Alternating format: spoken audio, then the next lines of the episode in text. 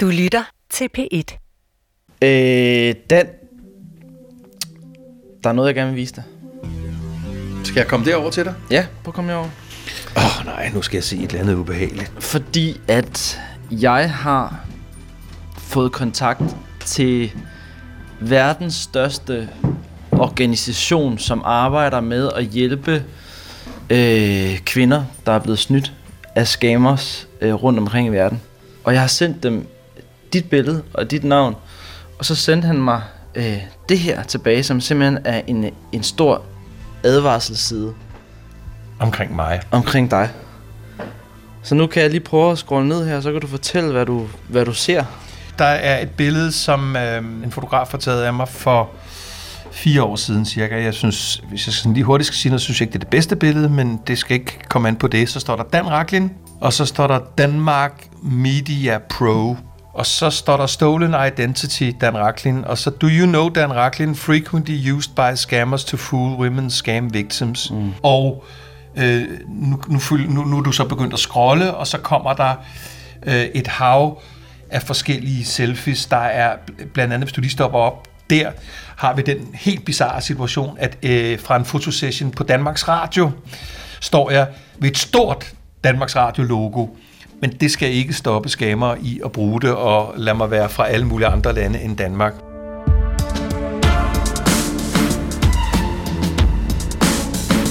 Kære alle sammen. Ja, så er vi her igen. Siden du lyttede til forrige afsnit af den her serie, kan jeg godt garantere dig for, at min situation på ingen måde er blevet forbedret. Alene i løbet af det seneste døgn har jeg opdaget adskillige falske profiler med mine billeder på. Nu nævner jeg bare et par stykker. Der var en profil med navnet Steven Davis 55, en anden hed Scott Darlington 7475, og en helt tredje hed Prikapong David 208. Ja, kreativitet har de her lovskammer i hvert fald nok af. Nå, men senere i det her afsnit skal I blandt andet møde en dansk kvinde, der endte med at optage adskillige kviklån for at kunne sende penge til en falsk person, der udgav sig for at være en fængslet englænder. Men allerførst vil jeg gerne lige undersøge et helt andet aspekt ved lovescamming. Til min store overraskelse har jeg nemlig oplevet og erfaret, at mange af de her kvinder, der bliver snydt af falske profiler med mine billeder, de ender simpelthen med at flytte al deres kærlighed fra den falske profil og over på mig, den ægte Dan Raklin, uden at de nogensinde har mødt mig.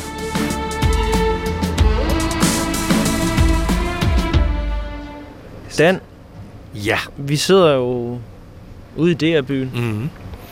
og øh, jeg, kan- jeg kan forstå, der, der er sket lidt til, hvad skal man kalde, din samling af, af, af kvinder, der har skrevet til dig siden øh, sidst vi snakkede. Ja, de kvinder, som er blevet skammet, finder ud af, at jeg er den rigtige mand bag billederne, som ikke bliver aggressive, rasende eller øh, stalkende. Dem blokerer jeg jo ikke. Altså, de får lov til at følge mig og sender mig så en hilsen i ny og næ, ikke? Øhm, det generer jo ikke nogen. Øhm, her har jeg Selenilist, som er, jeg tror hun er fra Rusland eller Polen.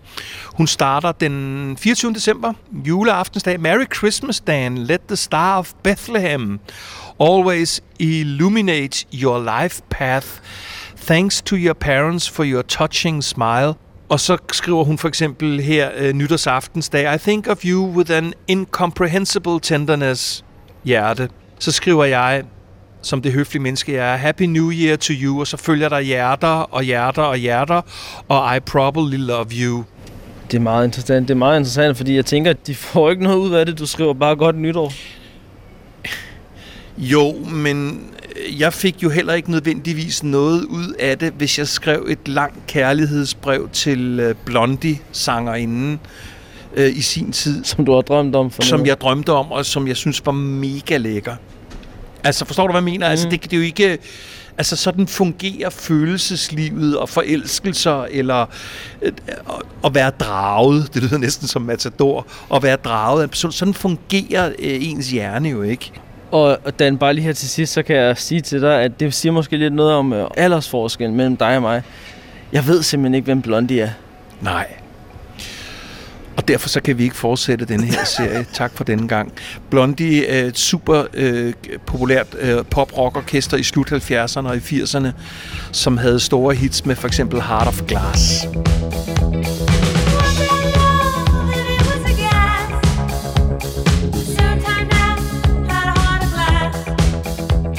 Skal jeg være helt ærlig, så havde jeg faktisk ikke troet, at der fandtes nogen danske personer, der var tilnærmelsesvis tæt på at være lige så hårdt plaget af denne her form for svindel, end jeg er. Men jeg må indrømme, at det faktisk er lykkes for mig at finde min overmand. Check, check, check. Nu kører den. Okay, kører den nu? Den kører. Nå, jeg er på vej øh, hen for at besøge kaptajn fra Mærsk, Thomas Lindegård Madsen. Ligesom jeg selv så kæmper Thomas Lindegård Madsen dagligt med kærlighedshungrende kvinder fra hele verden, der har flyttet deres kærlighed fra den falske Thomas over til den ægte Thomas. Nu kommer vi først her til, hvor øh, han bor øh, i... Øh, ja, jeg tror, det er vandløs, men det er i hvert fald et virkelig, virkelig pænt sted. Og nu ringer jeg på. Han står lige der. Dag, Thomas. Dag, Dan. Velkommen. Øh, tak. Kom ind, for Tak. Ej, hvor har hyggeligt og pænt. Ej, hvor rart. Fortæl lidt om øh, dig selv. Jeg har allerede sagt, du er kaptajn hos Mærsk, men altså det vil sige, du er du på de syv verdenshave? Det plejer jeg at være, men lige for tiden er jeg mest Østersøen og Nordsøen, så det er tæt på de hjemlige farvande. Men jeg har sejlet i over 25 år, Ja. og jeg er 48 år i dag. Øhm, og, øh, så jeg har været over hele verden. Ja. Det har jeg. Hvornår oplevede du aller første gang, at der var noget galt i forhold til, hvad du havde lagt op frivilligt på din Instagram og din Facebook? Det er cirka tre år siden i 2017, øhm, hvor jeg bliver kontaktet af især en tysk kvinde, der øh, virker oprevet og øh, frustreret. Og, øh, hun har været i kontakt med en, der har brugt øh, mine billeder og udgivet sig for at være kaptajn. Og så var hun blevet forelsket i ham, tror jeg. Og så er det gået op for hende, og så har hun så kontaktet mig. Og nu sidder vi her tre år øh, efter. Øh, Hvor omfangsrigt vil du sige, at, øh, at, at dine prøvelser og udfordringer med falske profiler er nu om stunder? Jeg synes, det er meget omfangsrigt. Det fylder rigtig meget. Øh, Og i forhold til reel tid, du bruger på det her? Ja, jeg bruger nok øh, et par timer om dagen på, på den problematik. Nogle af de her kvinder har øh, baseret på, på billeder af dig og den historie, der er bygget op øh, om dem, øh, betalt nogle af de her forbrydere, for det er det jo, øh, penge. Ja, Taler vi 1000 kroner? Taler vi 100.000 kroner? Taler vi en million? Taler vi flere millioner? Har du nogen fornemmelse for det? jeg tror ikke, der er nogen øvre grænse. Altså, den sidste, jeg så her på en af mine sidste billeder, det var en, hun skrev øh, fra Japan, at hun havde sendt 170.000 US dollars til en, hun troede var mig. Og nu, den dag hun skrev det, havde hun lige fundet ud af, at det ikke var mig. Har du, øh, ligesom jeg har, øh, har du nogen, som kommer med sådan en lille daglig, lille glædelig første advent? Og... Ja, der er rigtig mange, der gerne vil skrive godmorgen, øh, godmiddag og god aften og god nat. Men jeg må indrømme, at nu er jeg nået dertil, hvor jeg ikke svarer. Det er ikke særlig sødt af mig. Men øh, hvis jeg skulle svare alle dem, der skrev til mig hver dag, jeg kunne ikke lave andet, for når man svarer, så kommer der et nyt spørgsmål eller sætning lige med det samme. Så jeg må indrømme, at jeg har altså lukket skodderne ned. Ja. Du har jo øh, haft både kontakt med, med, med nogle af de her kvinder, øh, som jo for nogens vedkommende jo øh, bliver sådan en slags fan af dig. Ja, det, det gør de tit bagefter. H- Hvad har det afstedkommet? Det mest ekstreme er, at de jo har opsøgt mig og, og min mand øh, privat. Øh, Har du oplevet det? ja, det har jeg. Især en, jamen hun kom kørende, det var en tysk øh, øh, kvinde, der kom kørende fra, fra Tyskland. Øh, og fordi jeg har fået hemmelig adresse på grund af alt det her, øh, så kan man ikke finde mig. Men øh, min mand øh, har et øh, firma, som jo ikke kan være hemmeligt. Og så fandt hun jo hans firma, og så troppede op på hans adresse ude hos min mand. Men der ved hun jo udmærket, at du, øh, at, at du har en mand. Ja. Øh, hun tænker bare, nu skal vi være venner. At, at det er det, du tænker, at hun er kommet dertil, hvor hun bare gerne vil være i nærheden af dig. Ja, og gerne gøre en masse godt for os. Øhm, jeg tænker, hun måske er lidt ensom. Og jeg fandt ud af, at hun havde faktisk været, jeg havde holdt tale i Holmens Kirke på et tidspunkt, der havde hun siddet nede blandt publikum, og jeg stillede hende nogle spørgsmål for at verificere, at hun havde været der, og det havde hun. Hvad synes du om det? Det synes jeg var lidt spooky, fordi hun er så et tilfælde, der kan selvfølgelig også være andre, men jeg begynder da at tænke på, hvem der nu pludselig står ved havelån. Det kunne jo godt, Thomas, lyde, altså en lille smule halv øh, sygt skråstreg fixeret, men du har ikke øh, på den måde alligevel følt dig utryg. Jeg følte mig ikke utryg. Øh, jeg indvildede i at møde hende øh, inde i byen på en café, øh, når nu hun var kørt helt herop. Et offentligt sted. Du er et godt menneske. Øh, men der var nogen i min omgangskreds, der var meget nervøse, og som øh, var bange for, at hun skulle putte noget i min drink. Øh, men det gjorde hun nu ikke. Det var meget hyggeligt, og for hende der var det et bevæget øjeblik, da jeg stod foran hende. Hun følte jo, at hun kendte mig rigtig godt. Mm. Øh, men hun var også klog nok til at vide, at, øh, jamen, at vi skulle ikke mere end det. Jeg havde bare øh, indvillet i, at hvis jeg skulle møde nogen, så ville det være hende, fordi at hende havde jeg et godt indtryk af, af de ting, hun havde skrevet. Øhm, det er ikke kun sådan, at, at, øhm, at du et par enkelte gange er blevet opsøgt, eller der har siddet en dame, når du har holdt et foredrag. Du har også modtaget lidt gaver. Ja, de sender jo nogle gange øh, nogle ting, øh, men de kan jo ikke finde min adresse. Og så har de sendt til min mands arbejde eller til øh, Mærsk, så en gang imellem får jeg besked inden fra Esplanaden, at nu er der en pakke til mig fra et eller andet sted ude i verden. Øh, en har siddet og meget udførligt lavet et flot oliemaleri af en af mine billeder. Øh, olie på lærred, stort format, og sendt til Mærsk, så det havde de jo stående, jeg måtte ind og hente. Og tit breve, håndskrevne, meget lange, mange sider håndskrevne breve, og en var rigtig sød. Hun havde lavet, taget alle de bedste billeder fra året og lavet en kalender til 2020, som jeg har ude på mit skib, så den er jeg da glad for. Den okay, var god. Okay. Så øh, det, er ikke, det er ikke, altså gavestrømmen er ikke noget, som, som generer dig eller gør dig ilde til mode? Nej, men jeg må indrømme, at jeg er jo godt klar over, at øh, det kan godt være, at det er en gave, men de forventer også at få noget igen for den gave. Mm. De forventer jo, at jeg skriver og siger tak, ja. så de kan se, hvor jeg sender fra, eller jeg åbner op et eller andet ja, sted, så ja. de kan komme mere i kontakt med mig. Ja. Så, så der må... er bare antydning af en relation jer imellem? Ja. Kan du komme til et stadie, hvor du, øh, hvor du lukker ned for, for, for social medie presence? Det tænker jeg på øh, tit, hvornår at jeg er der. Jeg har ligesom øh, øh, lært at, at leve øh, med det, og jeg siger lige, det er bagsiden af medaljen. Når man stiller sig op offentligt og siger nogle ting og viser sig frem, så øh, er det her i vores verden, vi lever i med sociale medier, så er det øh, noget, man må tage med. Desværre.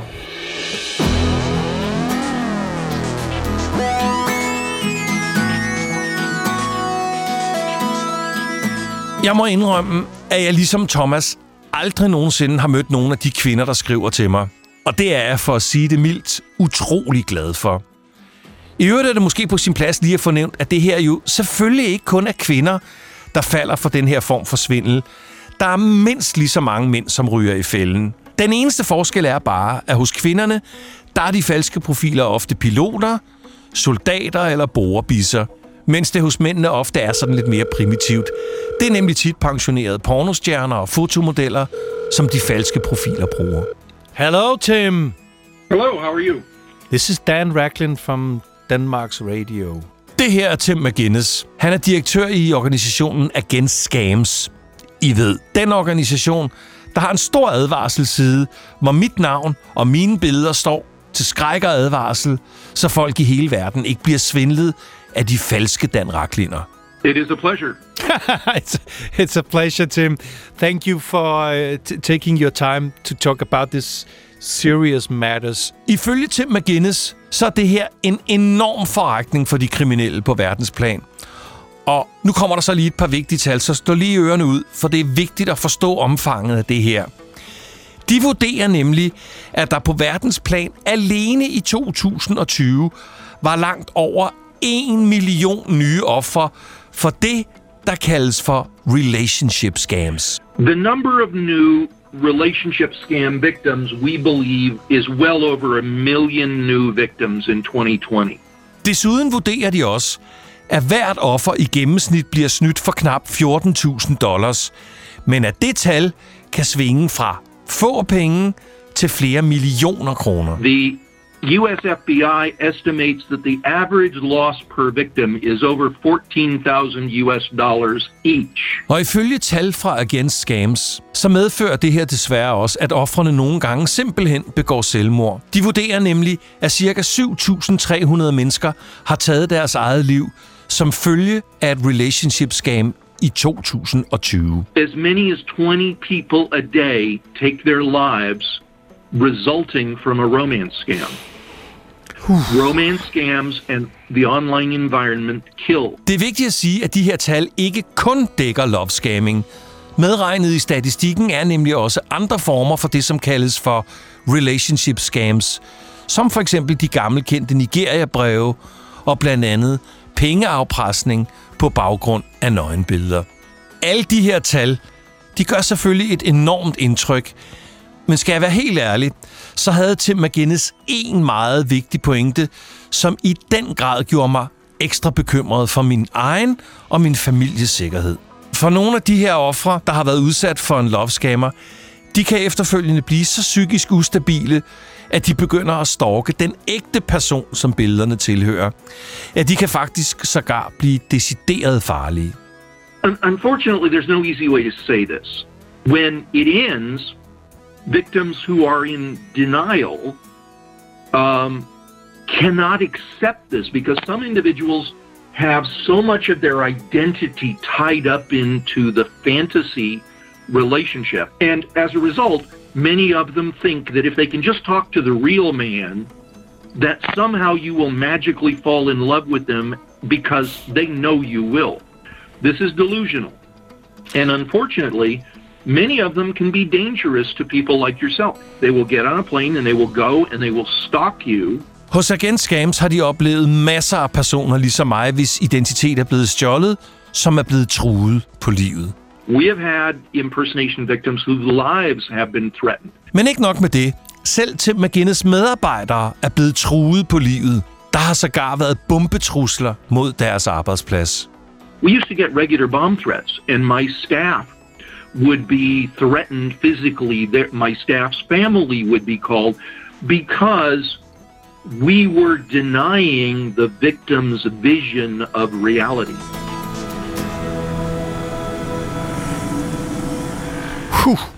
Thank, thank you very much, Tim.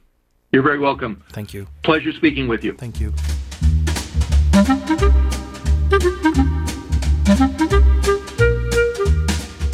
Jamen, øh, jeg går her på en grå, regnfuld dag og skal op og tale med Nille. Nille er kvinde og har oplevet at blive snydt godt og grundigt af en øh, skammer. Nogle gange, så tager jeg mig selv i at tænke, hvordan i alverden kan de her ofre dog hoppe på den her form for svindel? Hvor naiv har man lov at være? Men nu skal I møde endnu en kvinde, der er stødt på en scammer. Og det skal jeg, fordi jeg gerne vil vise, hvor sindssygt indviklede og veludførte de her løgnhistorier kan være. Og husk på, alle løgne bliver ofte bakket op af vellignende dokumenter og billeder, der understøtter løgnen. Ja, nogle gange kommer offeret sågar i kontakt med en ekstra fiktiv person, som udgiver sig for at være datter, bankmand eller advokat. Hej, Nille. Du er varskoet om, at jeg vil komme med, med, med, med mikrofon og det hele. Så du bliver ikke nervøs. Jeg tør lige mine fødder af her. Så prøv lige at tænke over, mens du lytter til den her historie, om du kan være 100% sikker på, at du ikke selv ville hoppe på den. Jamen, der sker jo så det, at jeg bliver kontaktet af en fyr, der er englænder fra Manchester, der hedder Michael. Han er et par år ældre end mig. Han er midten af 40'erne på det tidspunkt. Og øhm, vi skriver sammen nogle gange, og han fortæller, at han, han arbejder som bygningskonsulent. Øh, og øh, er udstationeret til Danmark i syv måneder eller noget i den retning. Og hans firma har hovedkontor i Moskva. Og øh, vi skriver lidt frem og tilbage, og vi finder ret hurtigt ud af, at øh, det kunne måske være meget hyggeligt med den her kop kaffe. Han skriver så, at øh, efter et par dage, at han er desværre nødt til at tage til Moskva i weekenden. Der er dukket noget op. Og så går der nogle dage, og så skriver han så, ja, men øh, han havde været til møde i, øh, i sit firma, og det viser, at han højst sandsynligt ikke kunne komme tilbage fra Moskva før sommeren. Det vil sige, at han skulle være der over de her 6-7 måneder. Okay. Og så, jamen, så bliver det mere, ikke intim, men mere sådan, hvor man bare begynder at snakke mere ind i livet øh, hver for sig. Og han udtrykker meget, at, at han bliver mere og mere presset af at bo i Rusland, og den russiske mentalitet, alting handler om penge, og han vil rigtig gerne ud af det. Og han har sådan set også fået skaffet sig en russisk replacement i hans stilling. Men denne her russiske replacement er en mand, der skal have en anden løn, end det, der står i kontrakten. Nå. Og den koster, jeg tror det er 4.000 euro eller sådan noget. Han skal betale sin egen lomme. Det kan han for så vidt også godt, men det kan han først gøre, når han får sin løn i januar. Ja. Og jeg er sådan lidt, jeg prøver at altså, jeg har en pædagogløn, jeg har den her lejlighed, det, det kan jeg ikke. Og så lykkedes han jo alligevel i stille og roligt at komme ind i huden. Øh, og på en eller anden måde, som jeg den dag i dag jo stadigvæk ikke kan forstå, så øh, får han jo så startet med at lukke 2.000 euro ud af mig. Øh, så tror jeg, det er lige før jul. Så skriver han til mig, at øh, jamen, der havde været den her forfærdelige ulykke på arbejdsstedet. Der havde været nogle maskiner, der havde kørt en med, ja, den dag Ja. ja. er det jo morsomt, og sådan noget, der kan jeg jo sagtens grine af jo, jo. Men der var en, en person, der var blevet kørt ihjel på den her byggearbejdsplads, de havde gået på. Nå, Og så skriver han så, at, øh, at det var sådan, at han faktisk mere eller mindre som ene person stod til ansvar for den her ulykke på baggrund af, at der ikke havde været de her forsikringer, okay. som angiveligt øh, han skulle ifølge cheferne have stået for, at der Okay. havde været. Øh, hvilket gjorde, at øh, han var blevet anholdt af politiet, og øh, nu ville blive fængslet på baggrund af den her ulykke. nå. Ja. Og vi skriver jo så frem og tilbage, at det ser jo ikke særlig godt ud. Der skal så, genop, eller der skal så opstarte en retssag i lige starten af januar måned. Og så, så får jeg lige pludselig en uh, mail fra hans advokat, som skriver til mig, at uh, han var fængslet, indtil han havde skaffet de her 4.500 euro, viser det sig så, for han kan komme ud. Og så tænker jeg, 4.500 euro, der, der er jeg helt sikkert der, hvor okay, det skulle sgu ikke særlig mange penge, hvis det kan undgå, at man sidder i fængsel i Rusland i nogle år. Og så sad jeg sådan lidt, og så jeg sådan lidt, det, det må jeg lige prøve at se, om jeg ikke kunne. Og det kunne jeg så godt. Øh, og der, jeg tager jo lån på den her åndssvage måde via de her kviklån. Ikke? Øh, så jeg får lykkes i at få skaffet de her 4.500 euro. Som er sådan lidt over 30.000. Ja, så kommer der jo gebyrer og renter på og alle de her ting gennem årene, så det løber jo op til at være meget mere lige Ja, pludselig. Ikke? Øhm, men de 4.500 bliver i hvert fald hævet, og alt er jo så Godt. godt. Not. Fordi der er jo stadigvæk uler i den her mose, ja. selvfølgelig. Nu skulle han jo snart være på vej. Ja, nu skulle lige... det var jo det, han skulle. Men så skriver advokaten til mig igen. Nå. Og øh, nu skal der simpelthen også stilles en kaution til fængslet. Mm-hmm. Og øh, det er 10.000 euro. Og der bliver jeg rigtig gal. Men han får sådan stille, men sikkert øh, dig til at føle, at du mere eller mindre er hans eneste reelle chance. Ja, plus at der jo også begynder at opstå det der sådan ret absurde, og hvor at der er ingen tvivl om, der også begynder at opstå sådan en eller anden følelse af at spille noget hazard. Det er sådan en ret svært ting at forklare, men det er det der med, at hvis jeg ikke lægger de her penge, så får jeg heller ikke det tilbage, Nej, som jeg havde. Nej. lagt. Så jeg er nødt til at gøre et eller andet, eller også må jeg acceptere, Det er jo en gængs øh, Lige præcis. lu- ludoman Lige problemstilling. præcis, Du har tabt, du har tabt det her, og hvis jeg Ja. ikke satser noget Ja. mere, så er jeg i hvert fald sikker på, at det, at Ja. det så er tabt. Ja, ja. Lang historie kort i det, øh, så bliver jeg så også i sidste ende manipuleret til, at jeg får taget et lån på de her 10.000 euros. Ja, Nå, og hvad sker der så? så skulle alting jo igen være godt. Mm. Men det var det ikke. Nej. Nej. Fordi nu skal de russiske eurostat jo så også sørge for, at han kommer ud af landet. Og det beløb er 12 eller 1300 euros, de skal have der. Fanden ikke så lidt frække, altså. Hold da op, mand. Nå. Og så er det jo igen den der hasardspiller, der kommer op i en, og så er sådan, okay, altså, jeg har mistet over 100.000 allerede nu, så det er jo bare ikke de der fucking 6.000, eller hvad vi er ude i her nu. Og jeg får så et brev fra advokaten, og han sender mig flybilletter, og de har lykkedes for dem at få en direkte fly til København.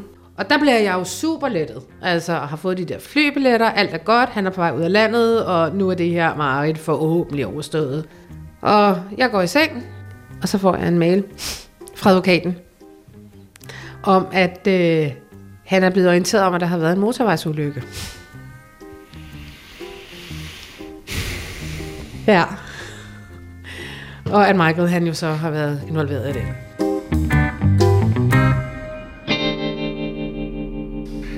Hvordan har du det nu her i, øh, på nippet ind til, til 2021? Jeg synes, jeg lever et meget almindeligt liv. Jeg har også fået en kæreste, som eksisterer, og som ikke skal hive penge ud, fordi han bliver syg hele tiden, eller et eller andet. Men det er selvfølgelig en del af mig, og det er en del af min fortid. Altså, og det er blevet til en historie. Og, og det er mange penge, øh, fordi det er, løber sikkert op på godt en knap en halv million, når alt kommer til alt med renter og renters renter. Og, og det er pisse ærgerligt. Øh, men det er vilkår. Der er ikke nogen, der er døde. Der er ikke nogen, der er syge.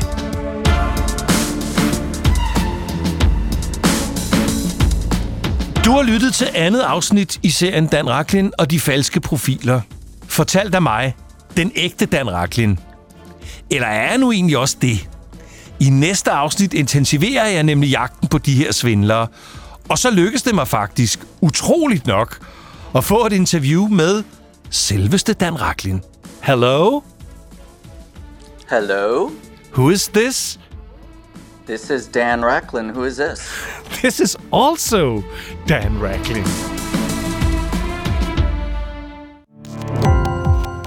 Gå på opdagelse i alle DR's podcast og radioprogrammer. I appen DR Lyd.